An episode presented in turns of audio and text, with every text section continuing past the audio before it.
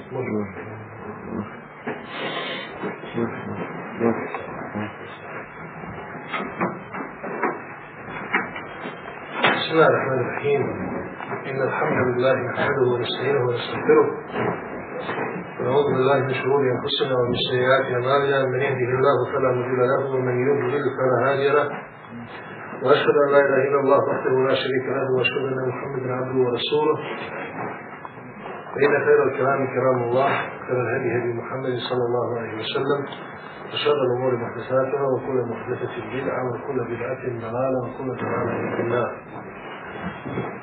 وبعد السلام عليكم ورحمة الله وبركاته Nakon zahvala Allahu za našanu i salavata i salama na njegovog poslanika i miljenika Muhammeda sallallahu alaihi wa sallam, zatim potrebuje da je Allahu govor najbolji govor i da je Muhammed sallallahu alaihi wa sallam kada najbolja uputa, obrdovat će vas jednim hadisom, naročito u ovom vremenu, jer ja sam iskreno mislio da neće niko doći i već sam je opustio, rekao, ćemo doći. Ali ovaj, zato ću vas obradovati hadisom Allahu poslanika sallallahu alaihi wa sallam, u kojem stoji da je rekao, na ime zabilježio imam muslimu u svom sahivu, a prenio je hadis Ebu Horeira radi Allahu anhu bi svojim štama kaumu fi bejti mingu juči Allahi jesune kitabe Allahi wa etida rasunahu bejnahum illa nezve alih musakina wa bašetum rahma wa hafetum malaike wa zakarum Allahu fi bil'indahu Kad god se grupa ljudi skupi u jednoj od Allahovih kuća, Allah na njih spusti smirenost, obašte ih milost, oprosti onima koji su, koji su tu, i spomeni Allah kod onih koji su kod njega. To jest u tom uzvišenom društvu, najuzvišenijem koje može biti, to su meleći koji su u blizini Allahovog arša. A nakon toga večeras govorimo o jednoj temi koja bi za svakog čovjeka trebala biti najvažnija tema. A to je iman. Vjerovanje. Čovjek je naime stvoren da bi vjerovao i obožavao svoga stvoritelja. Ona i džinu, on inse, illa mi ja budu. A džine i ljude stvorio sam samo da bi me obožavali, kaže Allah Đelešanu. Ona kad na fi umet umetin rasula, a nije budu moja da šteni bud budu. Svakom narodu smo poslanika slali s porukom Allaha obožavajte, a klonite se drugih božanstva. Onda Allah, ona še i šeja a obožavajte i nikoga drugog s njim. A kada robu Allah tako i ja. I tvoj gospodar je odredio da samo njega obožavate. To su sve ajeti koji govore o najvažnijoj stvari u životu svakog čovjeka i smislu stvaranja svega. A to je robovanje i obožavanje Allaha subhanahu wa ta'ala. I to je njegovo pravo. Kod njegovih stvorenja, kao što je zabilježio Imam Buhari, Imam Muslim u svojim, u svojim zbirkama, od Muaze bi Džemela kada je poslanik sallallahu alaihi wa sallam e, poveo se sobom i e, zajedno bio s njim na magarcu, rekao mi ja Muaz, a tedri ma haku Allahi ala ibad. O Muaze, znaš ti koji je Allahovo pravo kod njegovih robova, kod njegovih stvorenja? Kutu Allahu Rasuluhu alam. Kaže mu Muaz, Allah i njegov poslanik najbolje znaju. A onda poslanik sallallahu alaihi wa sallam reče, haku Allahi ala ibad da je abudu vola i širku biše. Allahovo pravo kod njegovih stvorenja je da ga obožavaju i nikoga drugoga s njim. ćemo kao malo. Znači, to je Allahovo pravo kod njegovih stvorenja, to je sveta života stvorenja. I to je u ljudskoj prirodi. I čovjek koji ne obožava svoga stvoritelja, svoga obskrbitelja, onoga koji mu, bez koga ne može okom trepnut, kako je poslani sallallahu alaihi wa Veseleme molio u svojim domama, vola te filmi ila nefsi tafata ajn, ne prepusti me u sebi nikoliko okom čovjek da trepne.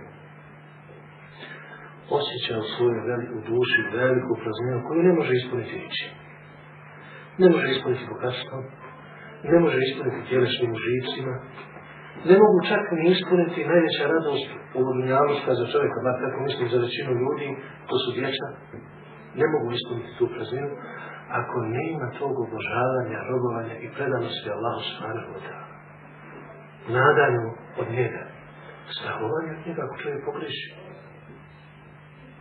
Zatim, želi, oslanjanje na njega, kad se nešto odluči da se hoće uraditi, da se čovjek osloni na svoga stvoritelja, da će ga olakšati pa i ako se ne on kaže Allah, Allah što izabri, to je najbolje. I tako dalje. Sve su to vidovi obožavanja Allaha subhanahu wa ta'ala i to mi sve jednom riječu nazivamo iman. Vjerovanje. I bez toga čovjek zbilja ne može i bez toga čovjeku je teško i na ovom svijetu, a ovom svijetu da i ne govorimo.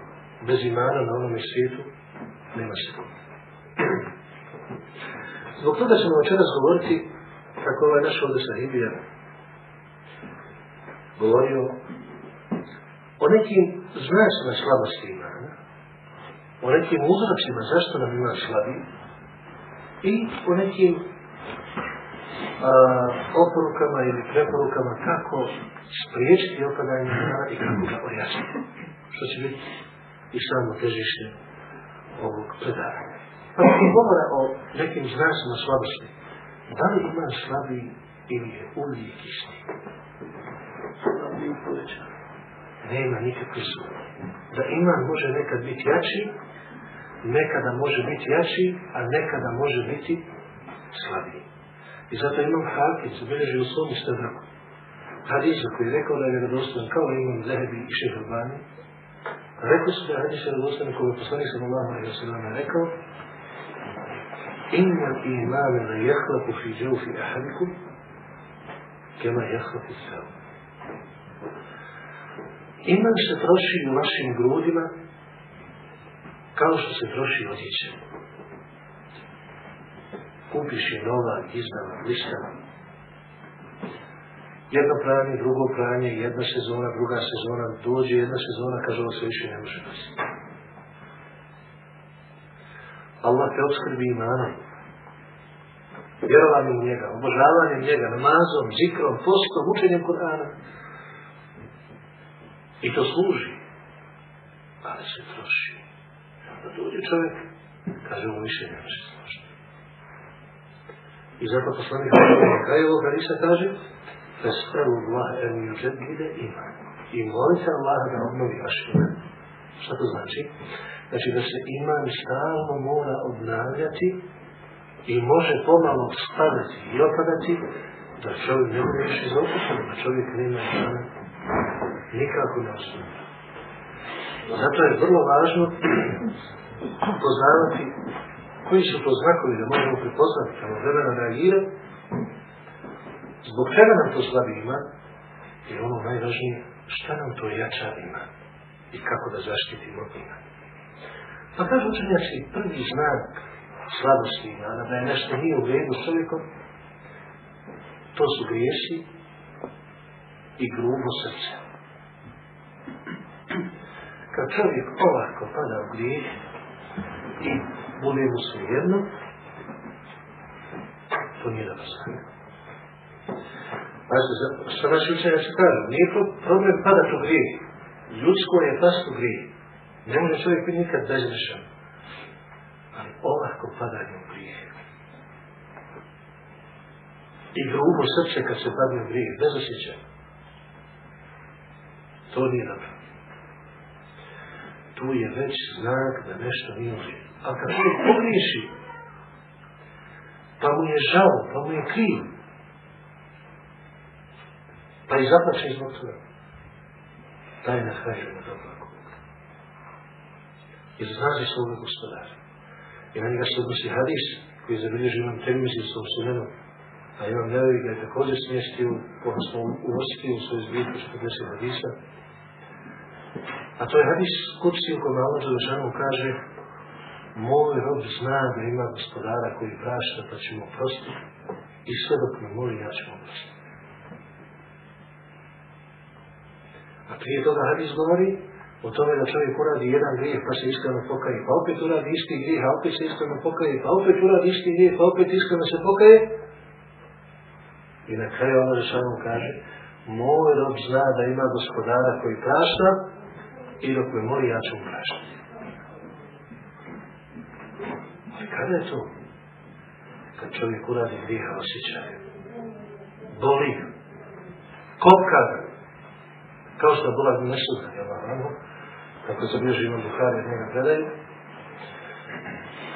da je rekao da vjernik osjeća svoj grijeh kao veliko brdo nad glavom i strabi da neće pasti. A monafik osjeća grijeh kao muhu ili komarca koji je pao na njega i imao komarca se i nikom ništa.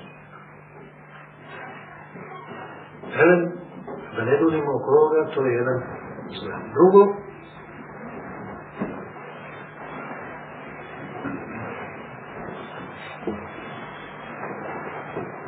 olahko shvatanje i važnice. I jedan, kako bi rekao, neprimjeren odnos prema i važnicima. Šta to znači? Ograničit ćemo se na namaz. Prvo, ne paži na vrijeme. Drugo, i kada klanja namaz, radi to brzo, radi to bez strasti, bez unošenja, bez išta. Znači samo onako što našem narodu kažu da ispadne šaka. A nas poslanik sallallahu alaihi wa sallam rekao je čovjek će svoga namaza imati samo onoliko koliko je srce bio prisutno. Ništa više. Prema tome, ovako to slatanje i i slično, jedan taj nekakav neprimjeren odnos prema njima, nepotpuno izvršavanje, slično to je isto znak slabosti ima.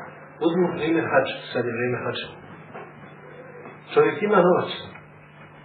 Ima sve. Zdrav, mlad. Ima novca da može i suprugu povesti, djecu ako prema cijelu porodicu.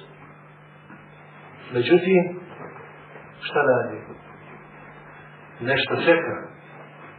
odraže iz godine u godinu, a ima ih koji i ne misle o tome nikako. To je također znak slabosti. Iako dodatni učenjaka međuna i učenjaci Hanbelijskog fikha i još neki kažu da čovjek ako jednom stekne uslove za hač i ne obavi ga njegovim sebebom zbog odgađanja ostaje dug njegov to zbog toga što je mogao i kažu da je mlađe godina obaviti hač čim se ispuni uslov. Hmm. Dalje, tjeskoba u grudima i neosjećanje Kur'ana. To je najviše što pogađa nas ljude, to je ta tjeskoba. Ljudi su toliko napreti, toliko tježni, iako kad bismo poredili život kojim žive danas, i život kojim su živjeli ljudi, ne znam, prije 50 godina ili, ili, ili više, 60, 70, pogotovo taj period posle onog rata, neuporedivo se bolje živi u tim nekim segmentima nego što se prije. A sad što mi ne možemo, nemamo para da kupimo sve što bi htjeli, što nam se do nevako otvorio, to je naš problem. Ali što se tiče osnovnih ljudskih potreba, odjeći, obući i ostalo, puno je bolje to znaju ljudi koji su bili poslovno rata i pitati koji nisu osjetili to. Međutim, uprkos svemu tome, velika je svog ludnost, niko nikog ne može prihvatiti, niko ni ne može naći zajedničku riječ, svađe izbijaju ni zbog čega praktično. To, to se čak osjeti i u porodicama porodi se pucaju, razvodi se, e, djeci se nanose nepravedno neke tjelesne povrede u smislu ovoga, a samo zato, pazite sad, nije u pitanju odvoje, nego je baš u pitanju to iskaljivanje pojsa na djeci. Iskričeno. A upravo tako je čini čovjeka tu da sve te stvari radi bez razmišljanja o posljedicama i bez traženja vijeka, što je naj, najgore a vijek tiskobe u grudima je upravo stabilan iman. Stabilan iman koji se trebali na i na stalnom obnavljanju. I to čovjek može primijetiti na sebi. Kad me već veći iman, se ljepše, bolje, prihvata stvari oko sebe i život oko sebe sa puno više radosti i puno više razumijevanja nego kad mu ne ima, pa on praktično jedna da može sam sebe podnositi, a kamo li drugi oko sebe. Zatim skoda je znak slabosti imena. Dalje kažem također nema prema griješima koji se dešavaju u čovjekovoj porodici i oko njega. Postane čovjek u svijetu. Da li neko uradio grije, da li ne uradio, da li su u njegove porodice gledaju serije u kojem ima nemorala, u kojem ima bluda. Često se dogodi da je prije par godina još navodio. zavesio sam se tu baš u jednoj kući gdje sjedi svekar i svekrva, mlada i ovaj, mladoženja, sjede unuci, tri generacije se porodca skupa i sjede zajedno, piju kafu pred televizorom, a na televizoru zbilja, ali baš ono pravo ne mora mešćenja u tim nekim serijama ili filmovima i slično. I to svakom se jedno. Nikom ništa. Znači, raditi grijeh je jedno, međutim, više jednostavno reagiranje na tu pojavu i slično, to je znanje da je problem sa imanom, da to nije, nije u redu. Također kažu od znakova slabosti imana, iako je to malo više vezano za ljudi koji vole popularnost, je da voli da pojavljuje se, da bude popularan, da se zna za njega, da se čuje i tako dalje i tako dalje. Što je od suprotnosti što, što je došlo od da je vjernik skroman, i da vjernik pazi na svoje djelo. Također presjerana škrtost. i od svojstava ljudi koji imaju jak ima, nego naprotiv. Također spominju što je često pojavno, da se ne budi računa ili da se omalovažavaju dobra djela. Znači čovjeku kad ima poraste i kad ima snažan svako dobro djelo drži se za i, i, misli da, da baš to može biti spasonosno djelo koje će prelagati. Međutim, kad čovjek ima napadno, pa ne to vodi računa u svojoj vladi dobrih djela, ne u spisku svojih dobrih djela, i sve mu postaje manje važno, čak i velika djela koja su važna, on umanji i gube važnost kod njega. To je također znak slabosti ima. Također, od znakova koje se navode za slabosti ima je nestrpljivost kad čovjeka zavisi nesreća. si ga rekao nesreća, saobraćaj nesreća, smrt voljene osobe, gubitak i metka. Ako se čovjek u tim trenucima ponaša kao da mu je sve kao da više nema izlaza, gotovo, završeno, izgubio nadu, ne za njega život završio i ostalo, to nije dobar znak. To je znak da je čovjek više vezan za to što je izgubio nego za Allah stvarno Koji daje i uzima šta hoće. Daje kome hoće šta hoće i oduzima koga hoće šta hoće. Sve u njegovoj vlasti. Također spominju puno rasprava i puno prazne priče. Od znakova slabosti imana je puno rasprava. Kako na personalnom nivou, tako na nivou naroda. I to možete primijetiti koji se tada istorija kad su muslimani najviše raspravljali, najveće su gubitke trpili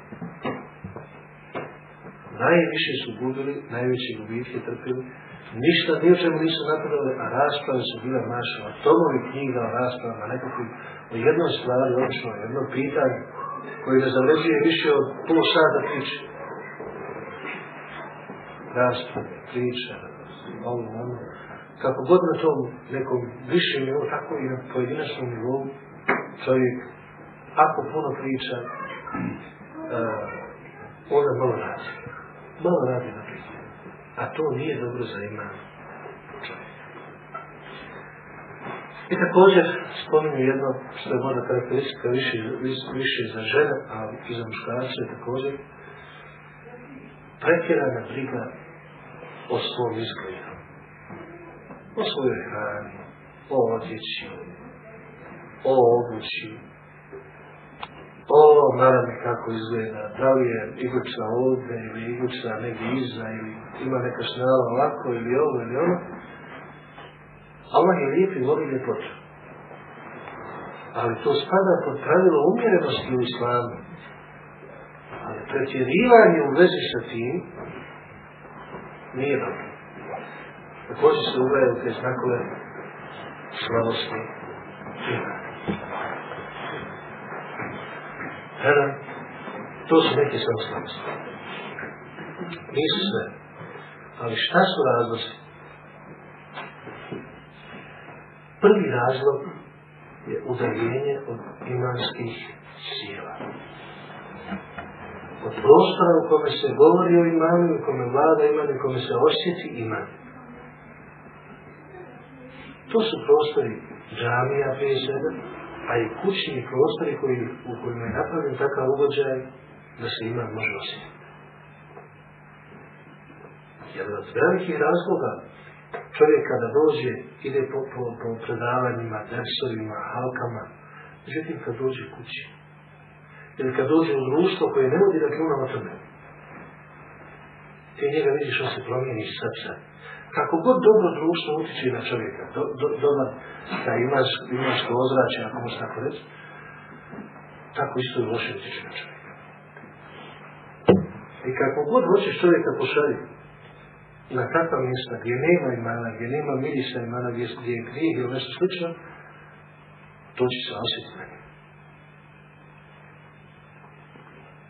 Prema tome, izlazak iz tih ovaj, mjesta gdje se ima imam slično, nema nikakve sumnje da je razlog opada njima.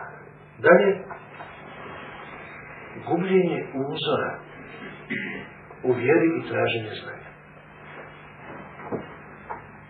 Uzor u vjeri je veoma važan.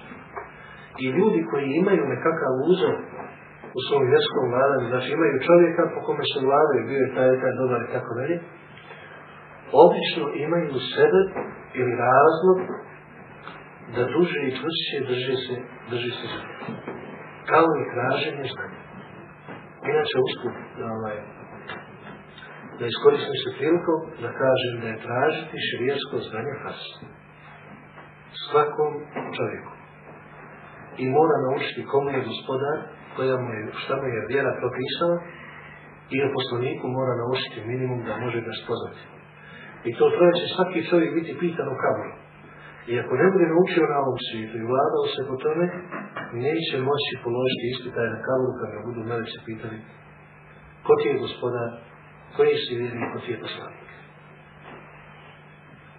I tako se i tumači hadis poslanika sallallahu alaihi sallam kojem je rekao tada je ibn kariratun ala koji muslim. Tražite znanje je farz svakom muslimanu, to jest i muslimanci. Dobro, dalje. Boravak u sredinama gdje se radi vijest. Znači imamo nekakve tri vrsta sredina koje možemo napraviti neku razliku ovdje kod nas sa Prva sredina to je imanska sredina gdje govori se o vjeri o Allahu subhanahu wa ta'ala, uči se Kur'an, uči se hadis i tako dalje. To je najbolja sredina. Imamo sredinu koja je veoma loša i gdje se radi uglavnom grije. Ili se govori o grijehu. I slično. To je najgora sredina. I imamo sredinu gdje nema od toga ništa, recimo radne sredine gdje se radi, gdje se morali ili uglavnom kući negdje. Gdje je neka ta sredina? Ljudi jednostavno žive i imaju svoje dnevne obaveze, Čovjek bi trebao da negdje se kreće između ove dvije sredine, najbolje i ove srednje, a trebao bi da paži da ne zalazi u tu sredinu. I poslanik je u tom smislu i zabranio iznio određene zabrane, između ostalog rekao je da čovjek i ne sjeda za sofru na koju pruži okolo. Znači to je sve u tom, u smislu te zabrane. Također jedan je od razloga prevelika kojom je kom, djecom, obavezama tim. Tu je vrlo teško naš mjeru, naročito zbog današnjih tempa života, vremena i tako dalje, a upućen je onaj koga Allah upućuje.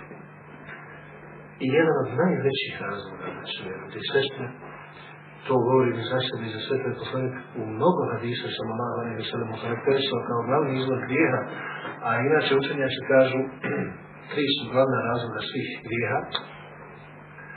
To je nada i mišljenje da će čovjek živjeti dugo. Zašto ljudi inače radi Kad bi čovjek stalno, ko što je poslanik sallallahu ali wa sallam, kako bi reži Bukhari rekao, konfit dunja kenne je varib, se. Budi na dunjalku kao stranac ili prolaznik. Kad bi tako razmišljao, da kad danas je je lakše mu se. Razmišljao da možda neće doći kad jutro, da će preseliti, da će umjeti Koliko ima, kako pjesmi kreće zdravih koji ne osvrši, a bolesnih koji dugo živiše. Strav, malo sad, jer ne umrije se od bolesti, nego se umrije od kadera. A kad i kome suđilo, niko ne zna. I to da će čovjek žive dugo, pa treba ovako, pa potiče kamatu zato što mora, ne znam, nije nešto ovako, pa ovo, pa ono. Kad pogledaš sve sve ne razlog, to što čovjek misli da će živjeti, Bog zna koliko, ili i najmanju ruku ne misli da će umjeti. E, to su ti neke razlice. E sad ono najvažnije. Kako mi to da sačuvamo svoje imani, kako da ga ujačamo? prvo znanje. I rekli smo da je znanje farz Ima znanje koje je farz ima znanje koje je farz kifaj. Farz ajn je znanje koje je na svako pojedinstvo. Svaki pojedinac mora od islama naučiti o svome gospodaru da ga zna da ga može obožavati. Zatim o svojoj vjeri da se po njoj može vladati u svom svakodnevnom životu od ibadeta i međuskih odnosa i zatim u svom poslaniku sa sredem da može da zna reći komu je poslanik Muhammed sallallahu alaihi sallam i da zna onima osnovne stvari s čime je došao, kako je došao i kim To je par znaj i od toga se to je, mora shvanjati, mora se i to nam. Nakon toga dolazi kurivanje za Kur'an i razmišljanje o Kur'anu. Bliži vam Bukhari predaju od Huzefina radijallahu i drugih nekih asaba koji su rekli Poslanik nas je poručio imanu, pa nam onda Koran povećavao iman. Znači ide iman da se uzme, nauči, savlada i i vlada se po a onda Koran je taj koji je država iman i koji I kad se čovjek druži redovno sa Koranom, uvijek će naš daš uvijek na ajet koji će mu ojačati iman, osvježiti iman, i izaći bogatiji za to jedno iskustvo. Makar ga učio s nerazumijevanjem i ponekad pogledom Prevod. Prevod značenja. A pa imamo sad tefsire, imamo sada i tumačenje, imamo i psihologijama i tako dalje. Treće, rad dobrih dijela što više. Kad kažemo što više, Dobri dijela ima puno. Međutim, važno je da čovjek izvrši farzove, a onda od nafila najbolje je da se drži sunneta koji je došao od poslanika sallallahu alaihi wa sallam, a ako mogne više, dobro je. Ako ne mogne više, to je dobro. Uspod kad govorimo na filama, mi smo deset dana Zulhidžeta i pošto je u utorak karefat, znači u utorak bi trebalo posjeti dan Arefata, a Bajram je po zvaničnom proglasu islamske zajednice u četvrtak, tako da e, kurbane i klanjanje Bajrama e, treba raditi u četvrtak kiša. Dalje također se preporučuje da se radi različiti i ibadete. Da će čovjek ne ograniči samo na jedan ibadet, pa da mu to postane nekakva rutina. Nego kao što je poslanik sallallahu alejhi ve sellem radio u toku dana različite ibadete. Od zikra, učenja Kur'ana, obavljanja namaza, posta, čitanje neke knjige, dobročinstva prema drugim, davanje sadake, pomaganje drugom u nekom poslu, ako ima nekog posla, pružanje nekom pomoći, ako neko zna nešto, ako, ako je obušno i tako dalje. Znači ljekarske pomoći i bilo kakve druge vrste, sve su to dobra djela za koje ako voda slijedi Da li, što je vrlo važno, da čovjek uvijek ima djelo koje radi tajno za koje ne zna niko osim oni i njegov gospodarstva. To je bila praksa naših prijedovnika i učenika. Počeš i da shaba pa Svejedno bilo to dobro djelo od ibadeta ili dobročinstvo prema nekom. Ali da ima nešto tajno, zašto niko ne zna? Recimo, bu Bekr, radi Allah, ima puno tih djela javni i tajnih, za jedno otkrilo se tek nakon njegove smrti. Šta je bio? Bila je jedna stanica koja je bila stara. Stara. Ne sjećam se da, da bude iskren da li je bila slijepa, ali zna se da je bila stara i nemoćna. I on je svako jutro odlazio, namiri sve što treba, pomuze, koze i ovce su tada u tom društvu bilo običajno da muškarci muzu, a ne žene. U arabskom društvu tada. Pripremi sve što treba i onda odi ostaniti stvari. Tek evo, ona radi Allah vanu, otkrio je to kasnije, Slijedi jedan priliku Ebu Bekra, pa je kasnije vidio nakon njegove smrti gdje je to ovaj, Ebu Bekr išao i našao je šta je radio Ebu Bekr. Od dobročinjstva prema tvojim starića prema tvojim stariša. Koju nije imao poslužiti. To je samo jedan primjer. Može čovjek imati neki post za koji niko ne znači. Ili neku sadaku kome pomaže nekom za koji niko ne znači. Smo poznati su slučajevi da je bilo učenika, pogotovo prije, koji završiš recimo školu, a ne znaju odakle im stipendija dolazi, recimo svaki mjesec jedan određen iznos. Ali recimo, za tog određenog čovjeka zna se, neki ljudi znaju da on to daje svaki mjesec. A ove drugi ne znaju. Prema tome neko tajno djelo da Roma je to poželj. Dalje, često sjećanje na šest. Postoji dvije stvari u šarijetu za koje nam je naređeno da smijemo, odnosno rečeno nam je da smijemo preći granicu, da ne moramo biti umjereni. Inače se u slavu uvijek traži umjerenost. Traži se da čovjek bude umjeren ili u ibaditima i u međuljskim odnosima i tako dalje. Međutim, došla je naredba ili dozvola da se u dvije stvari smije malo, ajde da kažem, pretjerati, odnosno da se malo više to radi. Prvo je spominjanje Allah Đelešan. Ja i Arvedina amenu, uzkuru Allahe nikam kafira. O vjernici, Allah spominjite puno. Znači, spominjanje Allah Đelešanu po tu dole, zikrom i tako dalje. Međutim, i opće zikr. Nije sporno ako danas deset hiljada puta kažeš subhanallah. Ali ne se vidim da je to sunnet. Nego opći zikr, zikr spominješ svog gospodara vlastom. Nema nikakve, nikakvog spora. I drugo, da se često sjećamo sati. Kako bliže u Davudu su obsudenu, da je poslanik sallallahu alaihi wa sallam rekao hiru min zikri hazim min nas. Tako je makasno svojim. Često se sjećajte onoga ko će vam sve slasti iz korijena štubati. To jest smrti. Poslani se sam u početku zabranio ashabima da posjećaju kablove dok nisu išli s u kumulare. Jer oni vas posjećaju na, na ahiret. se učenjaci učenja bez smrti da se odnosi na žene. Da je i ženi dozvoljeno i što više poželjno da posjećaju kaborove da bi se prisjetila, s tim što postoji u televiziji u Hadis, hadisu, koji proklinje žene koji odlaze na kaborove. U vezi s tim hadisom uleva ima dva, dva stava. Jedni kažu da nije vjerodostojan uopće. Prema tome kao takav ne, ne uzima se u obzir. Drugi kažu vjerodostojan je, ali sa tekstom koji glasi, koji često posjećuju kabora znači koji često posjećuju kabrot, znači da ne pretjeruje u tom nekom posjećivanju, ali da se prisjeća je slično, svakako može.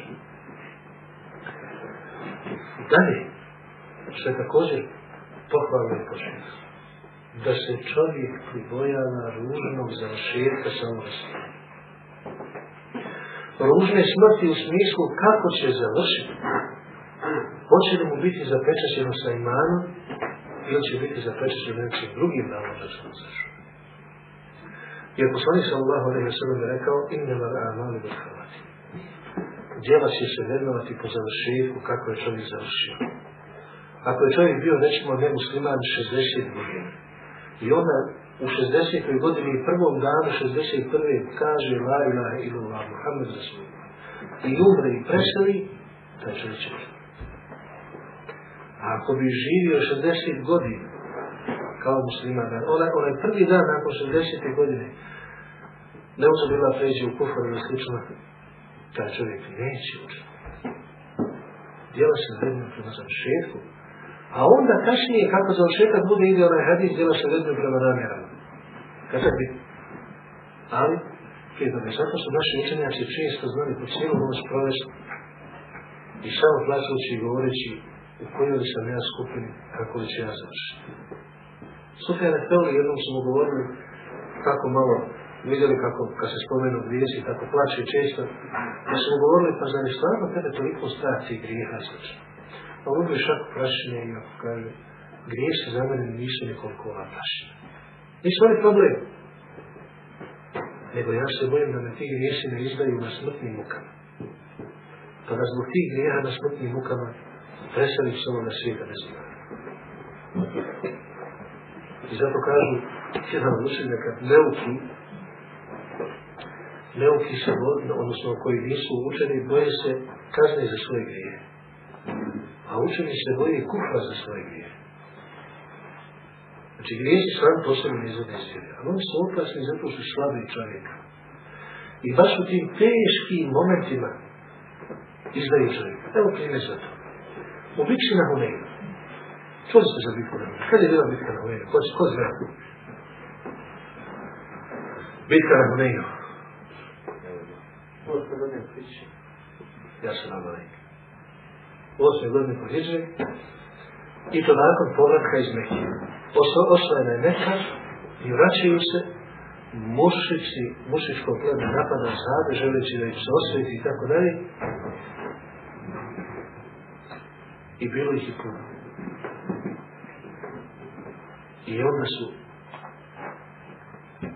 zanadam se svojom brojnošću i tada je Allah dao lekcije, podučio ih da se pobjeđi s njegovom pomoću, a ne sa brojnošću, to je sa imanom, a ne sa spravama na javatkama. I kad su došli, većina njih se razmišljala. Na kraju kad Allah što govori o toj u ajetu kaže Innama ste zemljahom šeitanom i makisa. Oni koji su pobjegli tog dana, a bježali su moju polje od najvećih grija, pobjegli su zato što ih je šeitan na to nagovorio zbog grijeha koji su prije toga dana. Znači, griješi neki koji su počinili prije toga, dana, otvorili su vrata, učinili su slabost, oslabili ih tako da ih je ovaj tu šeitan mogao navesti.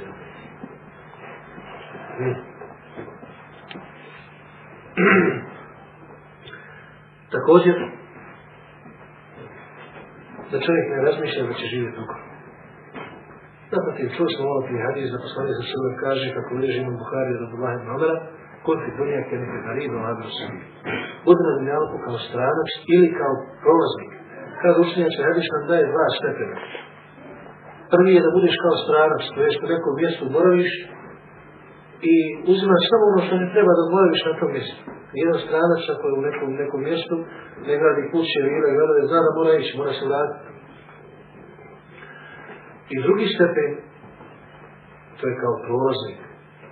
On još manje uzima, ako recimo čovjek ide iz Sarajeva, iz Zemce u Sarajevo i na vrat je u kakan, prolazi kroz kakan, on će uzeti u kakvu još manje nego stranac koji živi u kakvu, ja misli Sarajevo. Znači, ili kao stranac, ili kao polaznik, kaže Abdullah Muhammad, sam sam nisa, to jest, kada omrkneš,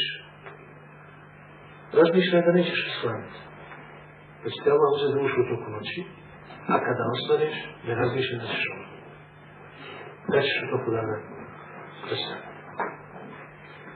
Također, razmišljanje o bezvrijednosti dunjavog. Spravo. Čovjek prije svega uloži, namuči se, uloži svoj napor, trud, e, intelektualni trud, novac i ostalo. Zatim može biti, može ne biti. I ako bude zbog sveg truda i ostalog onaj koji je obično to zaradio i ne uživao u njemu. U tom dunjaloku koji je dobio i stekao. Jer nema kad, prvo zbog umora, drugo zato što razmišlja o novom, novom, novom i što je najgore što se većina ljudi boji se ćemo i ono što je dobio. Znači to. Strah je za njim. Znači razmišljanje o tim nekom prolaznosti tog a na kretu je obrnuto ništa nije prolazno, ništa nema da će se trošiti, ništa nema da treba sticati, sve će dolaziti i zapravo jedan učenjaka kaže kada bi Ahiret bio kamen, a dnjavu zlat, pametan čovjek bi razmišljao da zadrži kamen koji je vječan nego zlata koji prolazno. A kamovi Ahiret je taj koji je zlatan i ne prolazno a nauk je taj koji je kamen i još prolazi. Također veličanje Allahovih svetinja. Mi smo imali od tog veličanja, smo naši ljudi, vi znate stari, zamotaju Musaf, nisu dali da se vira do šta, zamotaju ga da se ne praši i tako dalje. To je s jedne strane dobro, s druge strane nije dobro što ga ne otvara nikad. U većini slučajeva, ali s jedne strane je to vrlo fin postupak koji ukazuje na naličanje Allahovih svetinja. Znači, za naličanje Allahovih svetinja, ono što je važno i vrijedno ljudi, ne treba neki poseban dokaz u šarijetu da kažeš moraš imati tekst za to i to, Recimo, ima učenjaka koji nikada u svom životu nisu dodinuli knjigu koju islamskog sadržaja bi zapisali. Nikad.